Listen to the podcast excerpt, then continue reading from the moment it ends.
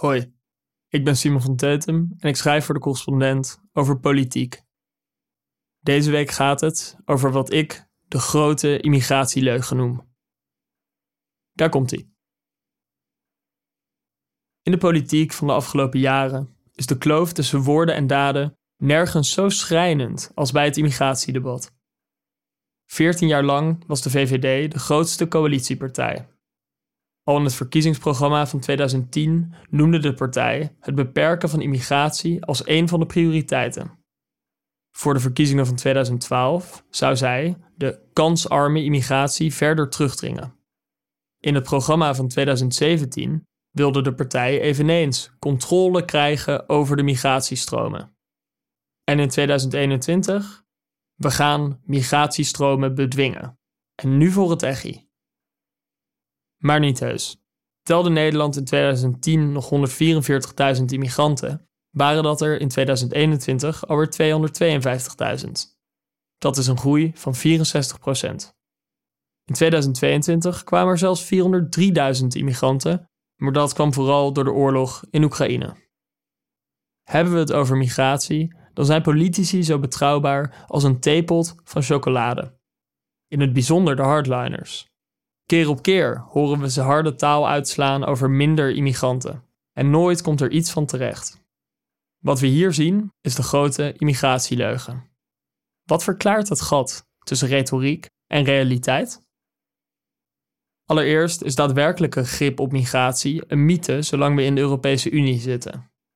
Meer dan de helft van de immigranten is afkomstig uit de EU. En daar kunnen we weinig aan doen. Binnen de EU mogen alle inwoners overal wonen, werken en vakantie vieren zonder gedoe. Dus heb je geen controle over je grenzen. Tenzij je de EU wilt verlaten, maar minder dan 1 op de 7 burgers wil een exit. Grip op migratie wordt door rechtse politici ook stevast in verband gebracht met asiel.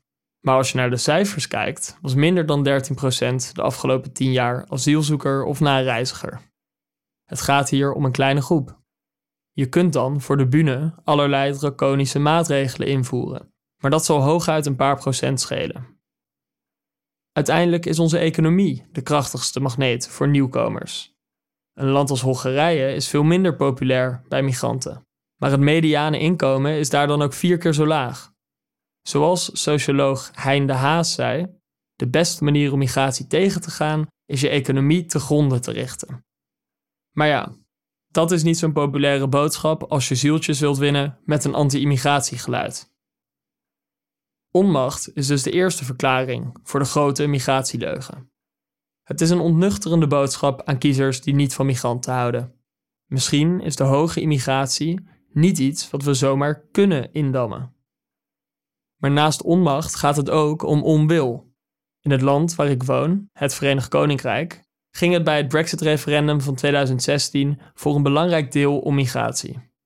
Een maand voor het referendum loeide Boris Johnson, destijds minister van Buitenlandse Zaken en overtuigd Brexiteer, dat er geen draagvlak was voor de omvang van de immigratie die we zien en dat de situatie volledig uit de hand was gelopen. Brexiteer Nigel Farage zei dat massa-immigratie zijn land onherkenbaar maakte en schetste een toekomst waarin het Verenigd Koninkrijk na de Brexit het migratiesaldo, het aantal nieuwkomers minus het aantal vertrekkers, zou kunnen beperken tot tussen de 30.000 en 40.000. Maar wat gebeurde er nadat de Britten, eenmaal verlost van de Europese Unie, zelf mochten bepalen wie er wel en niet de grens overstak? Het migratiesaldo nam alleen maar toe, tot bijna 700.000. In 2022 was het saldo meer dan 100% hoger dan in 2016, het jaar van het Brexit-referendum. Dat heeft weinig te maken met illegale bootjes die het kanaal oversteken. In 2022 kwam slechts 6% van alle immigranten op die manier het land binnen. Is de post-Brexit-regering dan misschien ineens anders gaan denken over migratie? Wel nee, de conservatieve partij is nog steeds aan de macht en over migratie is ze feller dan ooit tevoren. De waarheid is dat de conservatieve partij migratie helemaal niet wil indammen, omdat het land buitenlandse arbeidskrachten keihard nodig heeft. Buitenlanders zijn meer dan welkom, want ze moeten vacatures vullen. Zo steeg het aantal buitenlandse verpleegkundigen in het VK van 16% in 2016 naar 27% in 2023. Tegelijkertijd komt 30% van de tandartsen uit het buitenland en maar liefst 35% van de dokters. Iets vergelijkbaars geldt voor de Italiaanse premier Giorgia Meloni. Jarenlang riep zij dat massa-immigratie de Europese identiteit vernietigt. Maar vorige zomer keurde haar regering stilletjes goed dat er tussen 2023 en 2025 nog eens 452.000 werknemers van buiten de EU het land mogen binnenkomen. De Italiaanse economie heeft deze mensen hard nodig. Het zijn de twee dirty little secrets van de anti-immigratiebrigade. Ze beloven veel meer dan ze waar kunnen maken en erger nog, ze beloven van alles dat ze helemaal niet waar willen maken. We zien hetzelfde gebeuren in Nederland. Kijk om je heen, naar de krantenbezorgers en schoonmakers, de vrachtwagenchauffeurs en glastuinbouwers, de bouwvakkers en de distributiewerkers, de Uberchauffeurs en de flinkcouriers. Het zijn voor een groot deel buitenlanders. Of naar de slachterijen, waar een duizelingwekkende 51% van de medewerkers elders geboren is. In 2021 kwamen er voor elke twee asielzoekers meer dan vijf arbeidsmigranten naar Nederland. En die club neemt alleen maar toe. Tussen 2006 en 2021 is het aantal arbeidsmigranten in Nederland verviervoudigd. Je moet wel een bord ter grootte van een grensmuur voor je hoofd hebben om het niet te zien. Een beduidend deel van onze luxe, of ons consumptiepatroon, is gebouwd op de schouders van arbeidsmigranten. En kiezers weten dit. Ook in andere landen. Als je Britten vraagt of ze de totale immigratiecijfers te hoog vinden, dan zegt de meerderheid, 64%, ja.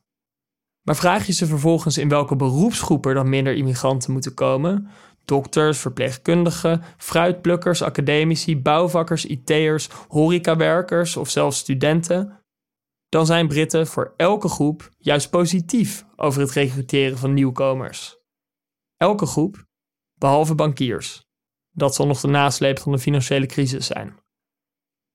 Arbeidsmigranten doen het werk waar veel mensen hun neus voor ophalen. Wist je dat 63% van de arbeidsmigranten in Nederland bruto minder verdient dan 20 euro per uur? En dat meer dan driekwart van de arbeidsmigranten onder het gemiddelde uurloon verdient? Ondertussen zijn er vanwege de vergrijzing steeds meer mensen nodig die vitale beroepen uitvoeren in Nederland. Verpleegkundigen en tandartsen, bouwvakkers en warmtepompinstallateurs. Er wacht ons niks minder dan een internationale strijd om vakmensen. De Amerikanen, de Britten, de Polen, de Duitsers en de Japanners hebben onlangs allerlei bijzondere maatregelen getroffen om deze migranten aan te trekken, zoals een speciaal visum voor buitenlandse zorgmedewerkers. Leg je de werkelijkheid naast de verkiezingspraat, dan zie je rechtse Europese politici doen alsof ze de immigratie enorm gaan indammen. Maar als ze eenmaal aan de macht zijn, doen ze wat arbeidsmigratie betreft het omgekeerde. Want ze weten ook dat de economische gevolgen anders veel te groot zijn. Maar om toch de schijn hoog te houden dat ze streng op migratie zijn, blijven ze verbolgen wijzen naar de relatief kleine groep asielzoekers, die ze sowieso niet buiten de deur kunnen houden. Ik heb geen enkel probleem met kiezers die anti-immigratie zijn. Het is een legitiem standpunt. Iedereen kan zijn of haar eigen afweging maken. Maar geef dan wel een duidelijk beeld van wat er in de weegschaal ligt. Laten we er geen doekjes om winden. Als je in Nederland echt een veel lager migratiesaldo wil, dan kan dat niet zonder gigantische economische schade. Niet alleen komen er dan veel minder arbeidsmigranten binnen die de economie aan de gang houden, je zult ook uit de EU moeten stappen, wil je de grenzen dicht kunnen houden. En we hoeven alleen maar naar de overkant van het kanaal te kijken om te zien wat de dramatische economische gevolgen zijn van een vertrek uit de EU. Be honest, zoals David Beckham tegen zijn vrouw Victoria zei toen zij in hun documentaire beweerde uit een arbeidersgezin te komen. Haar vader bracht haar in een Rolls Royce naar school. Het nieuwe modewoord onder rechtse opiniemakers is dédain voor de gewone man. Dédain van rijke linkse mensen, Brusselse bureaucraten of van voormalig NOS-weerman Gerrit Hiemstra. Maar niemand heeft het over het dédain aan de andere kant van het politieke spectrum. Is er iets neerbuigender dan beloven dat je migratie terug gaat dringen, terwijl je helemaal niet het gereedschap hebt om dat te doen? neerbuigender dan grip op migratie prediken, zonder ronduit te erkennen dat je daarvoor uit de Europese Unie moet stappen. Neerbuigender dan kiezers aanpraten dat al hun sores worden veroorzaakt door nieuwkomers, zonder eerlijk te zijn over de sleutelrol die arbeidsmigranten spelen in ons economische model. En vervolgens consequent niet leveren, omdat je diep van binnen helemaal niet wil wat je zegt. Het ware dédain voor de kiezer vind je bij Giorgia Meloni, Rishi Sunak en Geert Wilders. Ooit komt er een dag dat kiezers het bedrog van de grote migratieleugen doorgronden. Eindelijk zullen ze zien dat politici wat betreft irreguliere migratie te veel beloven en te weinig waarmaken. En dat ze wat betreft arbeidsmigratie helemaal niet minder willen, omdat onze arbeidsmarkt schreeuwt om mensen. Ooit, maar nu nog niet. Met een PVV-coalitie zullen we de zwendel eerst aan den lijve moeten ondervinden. De correspondent bestaat tien jaar. Al tien jaar maken wij journalistiek voorbij de waan van de dag. Journalistiek die niet polariseert, maar perspectief biedt. Die geen ophef najaagt, maar oplossingen zoekt. Wist je dat de correspondent 100% door leden wordt gefinancierd? Dat betekent dat we ons werk alleen kunnen doen als luisteraars zoals jij ons steunen. Word vandaag nog lid. En draag bij aan diepgravende, advertentievrije en onafhankelijke journalistiek. Ga naar decorrespondent.nl en word lid.